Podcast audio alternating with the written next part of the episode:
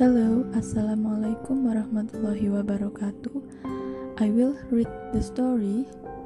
The story is about Special Olympics story.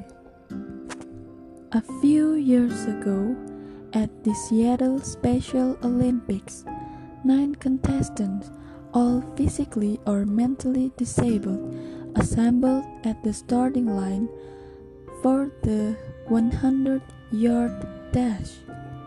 At the gun, they all started out not exactly in a dash, but with a relish to run the race to the finish and win.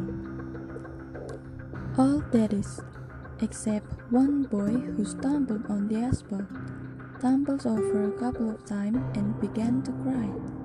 The other eight heard the boy cry. They slowed down and looked back. They all turned around and went back. Every one of them. One girl with Down syndrome bent down and kissed him and said, This will make it better. All nine linked arms and walked across the finish line together. Everyone in the stadium stood, and the cheering went on for several minutes.